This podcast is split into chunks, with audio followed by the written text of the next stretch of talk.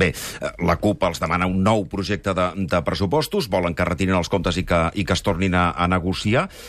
Ho descarten del tot, això, eh, consellera? Segur que no acabarà passant, això, eh? Pel motiu que li he dit. Eh, pel és a dir, el motiu que li he govern, dit el govern ara. no preveu retirar el projecte encara que no tingui suport al ple. convençuts de la bondat d'aquests pressupostos. I després hi ha, insisteixo, un pacte, un acord, que, un acord que defensem que és vigent i que, evidentment, en el seu, diguem-ne, esperit, hi ha aquesta estabilitat parlamentària, aquesta estabilitat parlamentària passa per la llei més important de la legislatura, Ah. per descomptat que són els pressupostos, I, per tant... I, per tant, si finalment la CUP no dona suport a aquests pressupostos, serà el trencament definitiu d'aquest doncs, pacte d'estabilitat? Haurem, haurem de valorar eh, per què això succeeix i, per tant, haurem de valorar què en queda d'aquell pacte d'estabilitat.